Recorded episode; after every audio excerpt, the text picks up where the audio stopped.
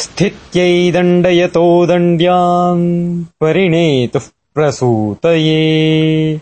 अप्यर्थकामौ तस्यास्ताम्। धर्म एव मनीषिणः।